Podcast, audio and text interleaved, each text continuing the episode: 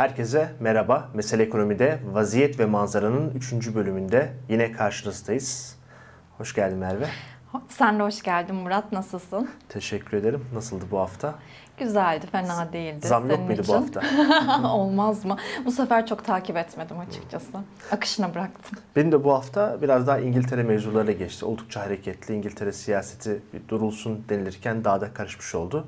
Hakikaten e, Türkiye'deki olağanüstülükleri diğer ülkelere de ihraç eder hale geldik. Başka yetkinliklerimiz varmış. En değerli bunlarmış. Bunu fark ettim ben de şimdi. Öyle mi? Evet. İstersen yine bu hafta da izleyici sorularıyla başlayalım. Ee, ama on, ondan öncesinde izleyicilerimizden kanalımıza abone olmayı ve videoyu beğendilerse beye- beğenip yorum yapmalarını unutmamalarını rica edelim. Bir de sansür kanundan korkmuyorlarsa paylaşırlarsa tadından yenmez. Evet, şimdiden teşekkürler. Ee, bir izleyicimiz şu soruyu sormuş. Merkez Bankası düzenlemelere devam ediyor. Bu işlerin yoldan çıkmasına engel olur mu? Şimdi Merkez Bankası hangi düzenlemeleri yapıyor, ne amaçla yapıyor onu bir anlamamız lazım. Merkez Bankası'nın PPK para politikası kurulu e, metinlerinde bir liralaşma stratejisi var. Bu onlara ilişkin bir şey değil. Burada yapılan şey daha net bir şekilde e, bizim hazinemizin para ihtiyacı var, Türk lirasına ihtiyacı var. Burada eski usul doğrudan Merkez Bankası'nın hazineye avans usulü yapam- yapılamıyor. Yap kanunen bunun önünde engel var. 94 krizinde biz bunu yaşamıştık. 2001'den sonra iyice sırlandırılmıştı. O sınırı tekrardan açmak istemiyorlar. Dolayısıyla da bir parasal genişleme giderken bankaları kullanıyorlar. Şimdi çok karışık cümle oldu. Şunu söylemeye çalışıyorum. Merkez Bankası'nın hani şu meşhur e, çok %14'te bankalara para veriyor deniyordu vardı ya o %12 hatta 10.5'a düştü. O paralar e, devlet tahvillerine geri dönüyordu. Yani devlet kendisini oradan finanse ediyordu. Ama o zamanlar devlet tahvili faizleri %20'lerdeydi. 25-26'daydı. Bankalar için müthiş bir kar olan oluyordu. Bunu gördüler ve kamunun finansmanını kolaylaştırmak istedikleri için düzenleme yaptılar. Bankaları verdikleri kredilerin belirli bir kompozisyon kaynaklı olarak daha çok e, devlet iç borçlanması dedi. Yani hazine bonosu devlet tahvili tutmaya zorladılar. Şimdi onu birazcık daha arttırdılar. Peki niye yapıyorlar? İşte tam da dediğim gibi eski usulde para basar gibi veya Merkez Bankası'ndan hazineye avans vermek gibi e, bir yöntem izleniyor. Parasal genişlemeyi biz de yapıyoruz. Parasal genişlemeyi dünyada her ülke neredeyse yaptı bir dönem. E, Şimdi Batı bunu geriye döndürüyor. Çin devam ediyor. Japonya her zaman devam ediyor. Zaten 90'larda ilk başlatan da o, o ülkeydi. E peki o zaman bizim farkımız ne? Onlar da enflasyon çıkmadığı için rahatla bunu yapıyorlardı. Enflasyon çıktığı günde durdurmaya başladılar. Bizde zaten en başladığımızda enflasyon yüzde bilmem kaçtı. Şu anda da resmi olarak yüzde 83,5 ki bir süre daha bu yukarıda gidecek veya kalacak. Şimdi gelelim Merkez Bankası'nın bu yapmış olduğu aslında örtülü bir şekilde hazineyi yani gelecekteki bütçeyi finanse etme mekanizmasının finansal istikrarı etkisine. Normal şartlarda siz bir TL yaratıyorsanız bunu ya kredilerle yaratırsınız. İşte nasıldır? Ee, bankadan bir kredi alırsınız. Türk lirası cinsidir. E, dövize döndürürsünüz. Dövize döndürmezsiniz. Bir alışverişinizi kullanırsınız. Gelirsin benden bir mal alırsın. Ben aldıktan sonra o para gidip bankada dövize giderim. Niye? İşte e, TL'nin getirisine güvenmiyorum. Değerini koruyacağına güvenmiyorum. E, veya işte hükümetin genel politikalarına güvenmiyorum. Döviz kuvvetlidir, güçlüdür diyorum. Geleneksel alışkanlıklarım da olabilir. Dolayısıyla bu şekilde yaratılan her para dövize gidiyordu. Bir benzeri e, devletin e, e, deficit spending dediğimiz yani açık vererek harcama üzerinden gittikleri de bizim gibi ülkelerde yine böyle toplam talebi arttırır ve dövize talebi arttırır. Peki o zaman niye ne yapıyorlar? İşte dışarıdan gelen dövizlerle bunu tutmaya çalışıyorlar. O mekanizma yani Merkez Bankası şu anda yapmış oldukları finansal istikrarla, liralaşmayla hiçbir alakası yok. Hatta tam tersi etkileri var. Ucuza kamuyu finanse ettirmeye çalışıyor. Asıl kaynağı kendisi o yüzden de bankalardan para geçiyor. Eski usulle doğrudan veremiyor. Sağ cepten sol cebe gitmesi için arada üst cebe bankalara koyması gerekiyor. Ve bu esnada da kurum patlamaması için de döviz bulması gerekiyor. Onu biraz net hata noksanından, biraz Rusya'dan, biraz cepte olanlardan şu ana kadar döndürüyorlar. Ee, ama gittikçe o süreç zorlaşıyor. Peki e, ikinci izleyici sorumuza geçelim. 2023 bütçe, bütçe tasarısı meclise geldi. Seçim bütçesi mi bu? Ne diyorsun? Şimdi önce bir bütçe nedir tar- tartışalım. E, çünkü çok karıştırılır. Şimdi bütçe e, bir hükümetin önümüzdeki sürede bir yıl oluyor bize takvim yılı alıyoruz. Yapacağı e, politikaların maliyetidir. Yani onlar için hangi ödenekler yapılacak, hangi giderler yapılacak, buna karşılık hangi gelirler toplanacak?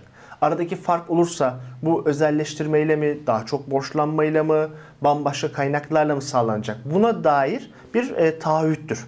Devletler buna göre çalışırlar. Bütçeyi, e, peki bizde bütçe nasıl oluşuyor? Böyle daha ilkbahar aylarında e, eski Devlet Planlama Teşkilatı olan Strateji ve Bütçe Başkanlığı Hazine ve Maliye Bakanlığı birlikte kurumlara yazar. Ödenek ister, şey, e, taleplerini sorarlar. Ne yapmak istiyorsunuz? Projeleriniz ne? Neye ihtiyacınız var? Hepsini alırlar. Sonra bunları birleştirirler. Makroekonomik beklentiler üzerine koyarlar. İşte seneye enflasyon kaç olur? Türkiye ne kadar büyür? Ne kadar vergi toplayabiliriz? Turizmden ne kadar para gelir? İşte özelleştirme yapacaksa kaçını gerçekleştirebiliriz? Piyasa faizleri ne olur? Ne kadar faiz öderiz? Bunları düşünüp bir hale getirilir. En sonunda hükümete sunulur. Hükümet burada bir karar alır ve bu e, diğer milletvekillerinin verdiği kanun teklifinden birazcık daha farklılaşarak illa yine milletvekili verebilir ama hükümet bir programıymışçasına hükümetin aslında e, sunmuş olduğu bir e, yöne döner. Eskiden e, bütçe kanunu reddedildiği zaman hükümetler düşer. Sanıyorum İnönü döneminde 1960'larda ikinci döneminde böyle bir hükümet de var. E, böyle bir süreçte var. Düşüyor hükümet. Bütçe onaylanmadığı için. Ecevit döneminde olabilir, karıştırıyor olabilir. Dolayısıyla bütçe kanunu çok önemli bir kanun. Kanunda yasal olarak e, yıl başlamadan 75 gün önce gelmesi gerekiyor. Bize de hep öyle oldu. Tam 17 Ekim'de geldik. Tam 31 Aralık 1 Ocağı 75 gün var. Geliyor. Meclis Genel Kurulu'na gelmeden önce Plan ve Bütçe Komisyonu'nda günlerce tartışılıyor. Tek tek bütün kurumlar, genel bütçe, özel bütçe, diğer özel kuruluşlar. E, sonra meclise geliyor. Önce bir geçtiğimiz yılın bütçesini kapatıyoruz. Sayıştay'dan gelenler sonunda. Kesin hesap kanunu. Arkasından bir de bu yeni bütçeyi konuşuyoruz, tartışıyoruz. O esnada televizyonlar birazcık daha fazla bu bütçeyi izlemeye başlıyorlar. En sonda hükümeti temsilen başbakan, şu an başbakan olmadığı için o rolü Fuat Oktay, Cumhurbaşkanı yardımcısı üstlendiği için o geliyor. Sonra ana muhalefetten başlayarak e, diğer parti genel başkanları geliyor. Genel başkanlar bunu kaçırmazlar çünkü en çok yılın izlenen konuşmasıdır. E, çok sert bir şekilde eleştiriyorlar. Sonra elemeyi, oylamayı yapılıyor. E, geçerse ki genelde geçiyor. E, dediğim gibi hükümet düşmüş gibi oluyor. E, yasalaşıyor ve başlıyor. Şimdi bu süreç. Şimdi bu e, işin e, detaylarına girmeden önce bunu anlatmak istedim. Şimdi gelen bütçe bize yine açığı arttıran bir bütçe. Yani zaten şu andaki öngörüye göre bir sonraki yıl için 660 milyar lira bütçe açığı öngörüsü var. Bu benim görüşüm değil. Bizzat devletin kendi yaptığı şey. Yani biz seneyi 660 milyar lira e, açık vereceğiz diyor. Bunu borçlanmayla da kap- kapatabilirler, varlık satışları da kapatabilirler. Böyle baştan bu böyle. Üstüne çıkabilir, altına inebilir. Ama tahmin edersiniz ki kur yukarı doğru gitme olasılığı daha yüksek olduğu için ve bizim bütçenin, e, düzeltiyorum, devlet borçlarının yaklaşık %67'si döviz veya altın olduğu için hazinenin vermiş olduğu döviz gelir garantili projeler olduğu için hatta onların da bir de Avrupa Birliği'nin, e, Avrupa Para Birliği'nin ve ABD'nin enflasyonuna bağlı olduğu için de yüksek fiyattan değerlendiğini düşünürsek, yine benzer tüfe endeksi tahvillerin yükünü düşünürsek bizim borcumuz e, yüksek gidecek ve muhtemelen bu 660 lira tutamayacağız. E, benim önümüzdeki yıl içinde bütçe açığı beklentimde 1 trilyon lira. İnanın ilk defa trilyonları burada görmüş olacağız. Şimdi bütçenin içeriği hakkında yeterince şu anda bilgimiz yok. Daha biraz daha tartışılacak, edilecek. Ama şunu biliyoruz. Bir, bütçe açığı var. İki, e, Cumhurbaşkanı Yardımcısı Fuat Oktay'ın dediğine göre burada sosyal e, giderler, sosyal harcamalar önemli bir yer tutuyor. Ama sorun şurada. Sosyal harcamalardan daha büyük bir para kur korumalı mevduat için ödenecek getiri farkına gidecek veya e, faiz ödemelerine gidecek. Çünkü faiz ödemeleri az önce de bahsettiğim gibi paranın önemli bir kısmı döviz cinsi olduğu için kur yerinde sayarken faizler artmasa bile yükselmiş oluyor çok fazla TL cinsi borçlanamıyorsun. Onu yapmak işte biraz önce anlatmış olduğum o Merkez Bankası'nın parasal geçleme yapması biraz bundan kaynaklı. Dolayısıyla biz ne kadar bu bütçeyi sosyal amaçlı görsek de bu sistemden en çok kazanan e, bu sosyal amaçların dışındaki bir nevi faiz lobisi gibi diğer gruplar oluyor. Ama bunlar faiz değil döviz lobisi gibi oluyor. En çok onlar kazanç sağlıyorlar. Bunun haricinde bütçeyle ilgili dikkat edilmesi gereken e, bir başka nokta ise şu. E, siyasi taraflar. Yani bu yıl üst üste belli talepler verildi. Mesela EYT ile ilgili muhtemelen gri bölgede bir e, çözüm yaratılacak. İkincisi devlet memur maaşları. Bunu hatta bir 600 ek göstergeyi herkese vermekten bahsedildi bu iş. Yine KYK öğrenim kredi. Zaten bunlar için bir torba kanun geçti şu anda. Yani yeni şeyler değil ama onlar 2023 bütçesi çoğunluğa kalacağı için söylüyorum. E, bunlar oldu. Yine başka e, bizi biraz kandırmışlar. 2000 TL'nin altındaki borçların tasfiyesi devlet ödemiyormuş. Özel sektörde tabii sildiremiyorlar. Bir iyi niyet beyannamesiymiş bu. Ama bunun harici iyi niyet beyannamesi geç, e, geçen devlete dair daha üst şeyler var ki muhtemelen kamu alacaklarını yani bizim vergi affı dediğimiz o da gelecek. Tüm bunları bir araya koyacaklar. Yani bütün tuşlara beraber basmak zorundalar. Dolayısıyla bu bütçe evet çok net bir seçim bütçesi olacak. Muhtemelen 2023'te bir kere daha ek bütçe yapılacak. Tıpkı bu yıl yaptığımız gibi. Bu bütçede bence 6 ay ancak dayanır. Belki 9 ay. Ee, ve neticesinde e, hesaba katmadıkları giderlerin yol üstüne çıktıklarını görecekler. Hele hele seçim Mart, Nisan, Mayıs, Haziran gibi artık ne zaman olursa o zamana doğru sonuçlar, anketler istendiği gibi gelmezse daha da panikle bambaşka popülist şeyler gelebilir. Mesela örneğin asgari ücret artışını e, Ocak'ta büyük bir artış yaptılar varsayalım. Bir de Nisan'da yapabilirler. Şimdi normal şartlarda ilk düşülen şey asgari ücret zaten çoğunlukla özel sektör veriyor. Hayır öyle değil. Özel sektör verebilecek durumda olmaz devlet belli teşviklerle daha önce asgari ücretin ilk e, vergi dilimini azaltmak gibi. Şimdi mesela SGK primlerine dair böyle bir şey yapabilir. Yani e, bu ya kazanacağız maçı şeklinde bakıldığı için bu bütçe aslında bir seçim bütçesi olmakla birlikte daha da çılgın bir seçim bütçesi haline getirilebilir. Benim esasında iyisiyle kötüsüyle vatandaşın cebine giren kısım ki o da çok adil olmuyor. Çünkü vergi yükünü sırtlayan da bu harcamaları alanlar, zamları alanlar da aynı gibi değil ama burada çok büyük derdim yok. En azından halkın bir kesimini akmış olsun. Küçük bir kesim olmadığı müddetçe. Derdim değil ama bahsettiğim döviz kurundaki yükselişler, küresel enflasyondaki yükselişler Türkiye'nin yükümlülüklerini çok arttıracak. Şu anda zaten e, 4 trilyon liraya yakın bir e, kamu borcu var. Bu artık seneye inanılmaz derecede arttığını göreceğiz. Kurla falan böyle 5 trilyonda geçecek gibi gözüküyor. Peki istersen anket bölümümüze geçelim. Geçelim. Bu hafta izleyicilerimize sizce bu kış canımızı en çok hangi gruptaki pahalılık yakacak diye sorduk. Ankete katılanların %56'sı doğalgaz dedi, %9'u elektrik, %6'sı akaryakıt, %9'u kira, %21'i ise gıda dedi. Ama şunu da ekleyelim hemen yorum yapanların e, çoğunluğu da genellikle hepsi diyor. Yani Hatta bütün şıkların hepsi diyor. Sen nasıl? Hepsi ve daha ötesini işaretleyecek. Hepsi de yetmiyor yani. Hani e, e şıkkı hepsi, F şıkkı hepsi ve ötesi her şey. Şimdi orada birkaç tane e, dikkat edilmesi gereken şey var. Çeldirici sorucu değil amacımız yani sonuçta ama şimdi birincisi kıştan bahsediyoruz. Kışın tabii ki e, en çok akla gelen de doğalgaz. İzleyicilerimiz de muhtemelen bu yüzden bunu tercih etmişler. Ama acaba doğalgaz ne kadar büyük bir e, harcama kalemi. Büyük şehirlere doğalgaz geldi. Küçük şehirlerin hepsinde yok. Şehir merkezlerinde var da her ilçe merkezinde yok. Dolayısıyla bazı yerlerin kömür derdi olacak. Bu bir. İkincisi doğalgazsa ki bence kesin doğalgaz çok ciddi bir sorun olacak. Çünkü önceki aylarda yapılan ve şu ana kadar yansımamış doğalgazlar yani ocağı açınca veya bir duş alınca kombiyle şofbenle o, o etki etmiyor. Evi ısıtırken bu gerçekten fark ediyor. Onu bir anda göreceğiz. Üstelik bunda çok ciddi bir sübvansiyon olmasına rağmen son 1-2 yıl içerisinde bütçeden cari transfer veya borç verme şeklinde e, BOTAŞ'a aktarılmış toplam para miktarı 189 milyar lira. Bu 15 milyar dolar gibi paraya denk geliyor. Hani bir kısmı geçen sene verildiği zaman kur bu kadar yukarıda değil. O yüzden çok daha yüksek bir dolar cins miktarı geliyor. Böyle bir para verildi ve buna rağmen böyle. Ben bir tane daha doğal gaz zammının olabileceğini düşünüyorum. Ee, iyi haberi vereyim. Ee, küresel piyasa Avrupa'da daha doğrusu doğal gaz fiyatlarında %60 düştü. Ama sorun şu. Düştüğü yer hala son 3 yılın en yükseğinde. Açık ara farklı. Çünkü o kadar yukarı çıkmıştı ki düşmüş hali bile aşırı pahalı. Ee, onu bir söyleyeyim. Ee, ikinci olarak e, tabii akaryakıt kısmı. Buna çok alıştık. 27 liralık motorinle yaşamayı öğrendik. 20 liralık benzin, 11-12 liralık LPG.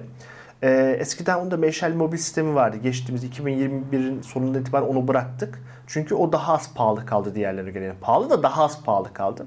Bir de tabii hepimiz bunu kullanmıyoruz. Herkesin arabası yok. Ama şunu unutmayalım. Her şeyin içerisinde bir ulaştırma maliyeti var.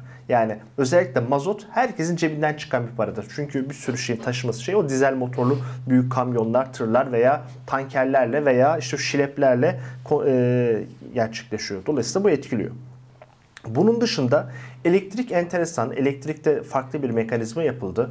E, meskenlerle diğer taraf fark var ama tüm bunlar sanayinin de işini zorlaştırıyor. Yani tüketiciyi geçtim.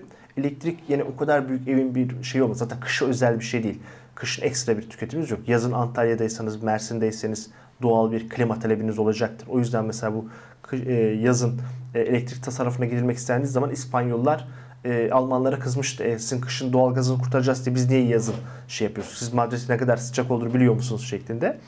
E, en az hissedilen elektrik olacak bireylerde ama e, sanayide öyle değil. Sanayide elektrik yine can yakacak. E, kira Kira tabii ki feci. Yani e, şu anda o %25'lik sınır tam olarak uygulanamıyor ki o da şöyle e, ev sahipleri de buradan mağdur oldular. Çünkü her ev sahibi zengin bilmem kaç tane evi olan değil. Ama hadi öyle olduğunu bile varsaysak e, herkese %25'i uygulayamıyorsunuz. Kiracı ev sahibi ilişkisi bozulmaması için daha ara rakamlar oluyor. Yani orada ciddi bir şey var. Zaten bizzat Merkez Bankası'nın açıkladığı şeye göre 3 kattan fazla çıktı İstanbul'daki konut fiyatları. Ben demiyorum Merkez Bankası bunu diyor. Ve buradan da işlem geçiyor. Biraz hacim azaldı ama hala geçiyor. Demek ki bu fiyatları tamamen kopuk görmüyor insanlar. Bunu da hemen belirtmiş e, olalım. Bunun haricinde e, gıda e, güzel yorumlar var. Acı yorumlar daha doğrusu. E, yani aç olan insan için doğalgaz bir lükstür. Doğru. Gıda öncelikli bir şey. Ve Türkiye'de zaten e, toplam yüzde bütçenin e, hane halkı bütçesinin %22-23'ü gıdaya gider. Bu biraz Giffen mal gibidir. İrlanda'da 1800'lü yıllarda 19. yüzyılda kıtlık yaşandığı zaman patates fiyatları yükselmiş. Niye? E çünkü diğer ürünlerin fiyatı o kadar artıyor ki hayatta kalmak için tek yapabileceğiniz şey bütün paranızı patatese vermek. Yani patatesin de fiyatı artıyor fiyatı artmasına rağmen e, daha çok patates tüketiyorlar. Yani talep yani fiyat artınca bir talebi düşmesi lazım ama diğerlerinin fiyatı o kadar arttığı için böyle bir durum gerçekleşiyor. Şimdi bizde de öyle bir şey. Diğer her şeyin fiyatı o kadar arttı ki insanın cebinde o kadar az para kaldı ki e, gıdasız da yaşayamayacağına göre e, gıdaya daha çok harcama yapmak zorunda kalacak. Yani o yüzden de en nihayetinde toplumun geneli düşünürsek tabii ki en çok canımızı gıda yakacak. Onu da belirtmiş olalım. Peki son olarak ana konumuza gelelim. E, son toplantıda Merkez Bankası 150 bas puan faiz indirdi. Sen bu durumu nasıl değerlendireceksin? bunu şeye benziyor. Efendim sebebi ziyaretimiz. Biz buraya para politikası kurulu toplamak, e, yerlendirmek için toplandık.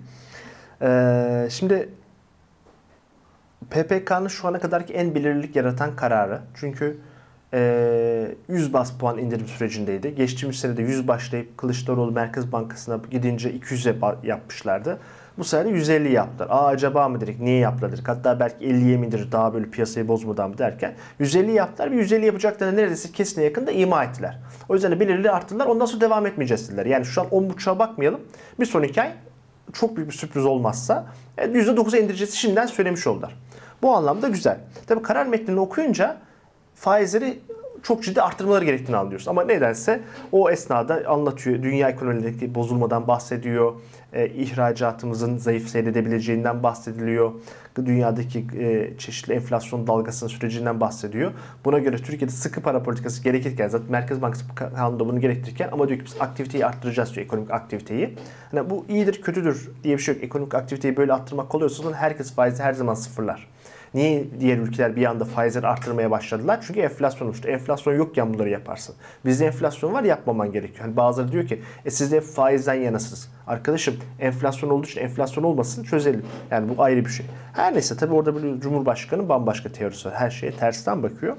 Şimdi bu çok net bir şekilde aktiviteyi, ekonomik dinamizmi canlı tutmak istiyorlar. Seçimlere gidildiğini biliyoruz. Fakat bu esnada kredileri pompalamış değiller. Kasım da da bence buna başlamayacaklar. Aralıkta veya Ocak'ta başlar gibi. Hatta Ocak'ta asgari ücret zammı şu bu bütçe falan hepsi geçtikten sonra taarruza geçecekler gibi. PPK'nın bu kararının da olumlu da olumsuz etkilerini o zaman göreceğiz. Yani olumlu etkisi derken ekonomik aktiviteyi bu düşük faiz, maliyetli kredilerle itebildikleri itecekler. İç talebi canlandırmaya çalışacaklar. Dış talepteki e, küresel ekonomilerdeki bozulma kaynaklı daralmayı telafi etmeye çalışacaklar. Diğer taraftan bu müthiş bir dövize talep yaratacak. Her ne kadar sermaye kısıtlamaları bunu zorlaştırmış olsalar da e, orada bir baskı oluşacak. O baskının neticesinde elde bulabildikleri dövizi satacaklar. Satamadığı yerlere kur patlayacak. Yani bence heyecan en erken Aralık ayında e, veya Ocak ayına kalmış gibi olacak. Ha bu esnada kantarın topuzu kaçırılır. Çok erkenden kredi genişlemesi getirilir veya dünya ekonomilerinde bizim düşünmediğimiz başka şoklar yaşanırsa süreç hızlanır. Ama Tüm bu süreci yani seçim daha erken bir zamanda olduğunu varsayalım. Mart ayında bir olduğunu varsayalım. Yani diyelim ki yaklaşık 4 aylık 5 aylık en fazla bir sürecin olduğunu varsayalım seçime. Gene de şu andaki durumu tamamen kapatabilecekleri kadar döviz rezervleri yok. satılabilir kabaca 20 milyar dolar var. Ve her ayda 3-4 milyar dolar rahat cari açık vereceğiz kış aylarında. Veriler geriden geldiği için o kadar kötü gözükmüyor cari açık. Turizm gelirleri bitti mesela. Ee, fakat bizim bilmediğimiz bir şey biliyor olabilirler mi? Olabilirler. Çünkü bize gizli kapaklı işlerini anlatmıyorlar haliyle. Dışarıdan bizim düşünemediğimiz, bilemediğimiz belli anlaşmalarla belli paralar gelmiş olabilir. Ama ben de o görüşte o kadar değilim. Yani şimdilik bir bakalım. Bir başlayalım da diyorlar. Allah kerim diyorlar. Onu biraz daha ileride yani deniyorlar ama olmasa da biz bunu yapacağız. Başka türlü seçimleri kazanamayız. Ee, ona göre buluruz bir yerden. Hele bir yola çıkalım e, görüşünde olduklarını düşünüyorum.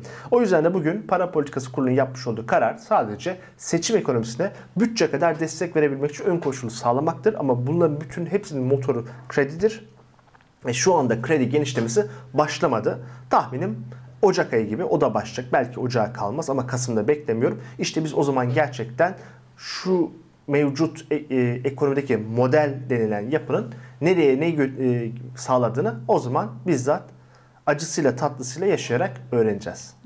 Peki Murat çok teşekkürler.